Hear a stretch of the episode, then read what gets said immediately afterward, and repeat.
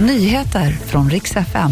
Turkiet verkar ha tinat. Nu kan de tänka sig prata NATO med oss igen. Och den som väntar på något gott, idag börjar äntligen första elstödet betalas ut. Ja, det ska handla om NATO-historien som bara fortsätter.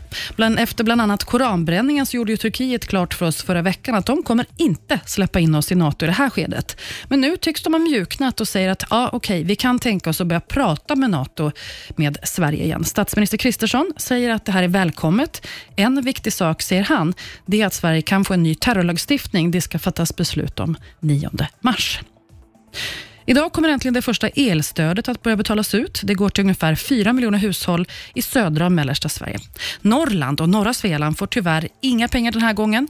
De tillhör område 1 och 2 och de får vänta på nästa elstöd som gäller för november-december i fjol.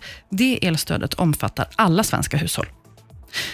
Så ska det handla om Andrew Lloyd Webber, kanske vår tids mest framgångsrika kompositör. Han ligger bakom massvis med musikaler, bland annat Phantom of the Opera, Evita, Jesus Christ Superstar och så vidare. Nu har han fått ett kungligt uppdrag, bokstavligen. Han ska skriva musiken till kung Charles kröning. Mästerkompositören säger att det blir specialgjord musik för den pampiga ceremonin i Westminster Abbey och att det här det är en enorm ära. Det var nyheterna. Jag heter Maria Granström